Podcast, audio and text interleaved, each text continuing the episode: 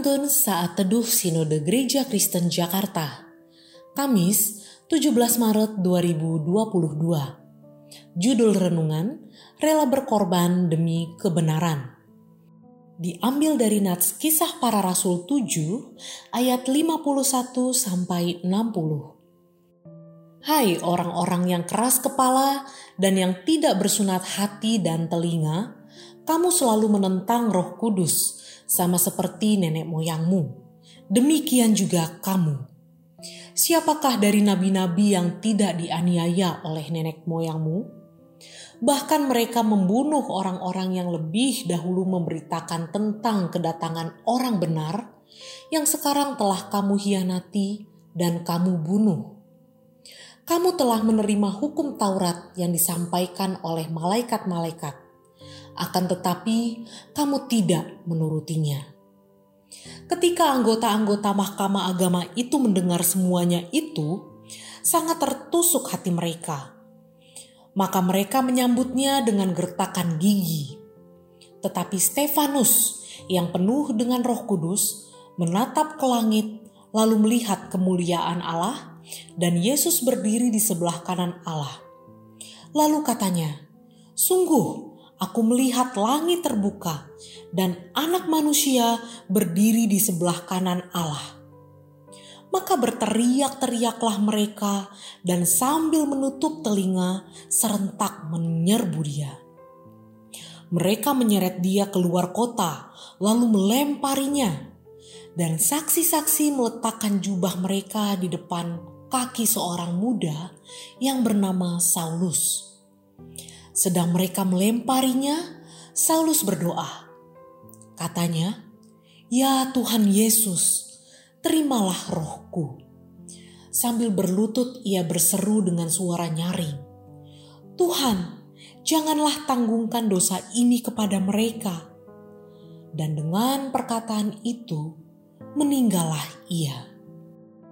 Brother Andrew, pendiri Yayasan Open Doors Ministry, menyatakan bahwa apabila kita mengerjakan pelayanan dan semuanya lancar, maka jangan merasa senang.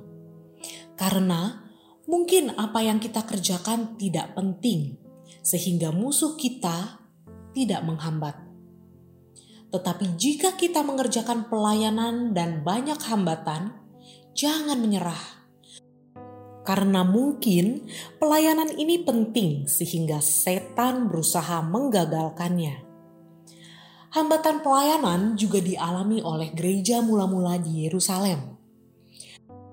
Mereka awalnya hidup damai dan orang-orang penganut Yudaisme yang menaruh rasa hormat kepada orang Kristen.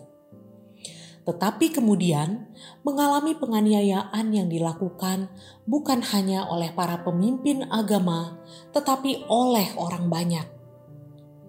Kebencian terhadap orang Kristen semakin menjadi-jadi ketika jemaat Libertini, golongan yang sangat ketat dalam memelihara tradisi Yahudi, kalah berdebat dengan Stefanus yang penuh keberanian dalam menyatakan kebenaran.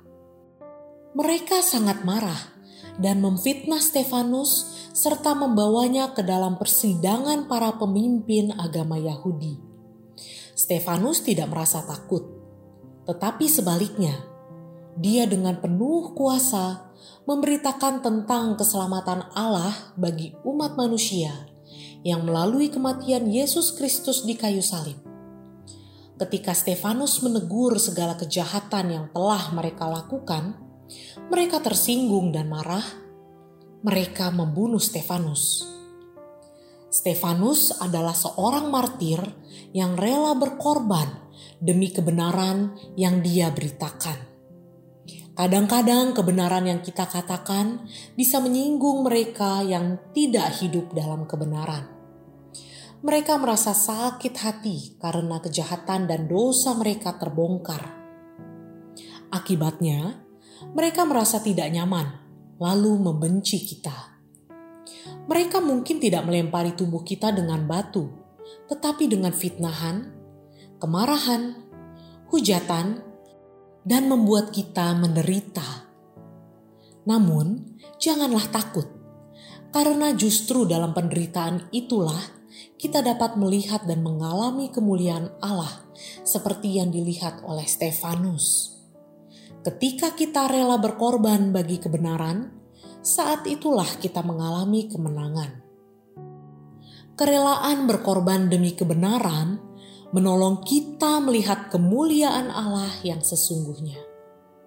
Terpujilah nama Tuhan.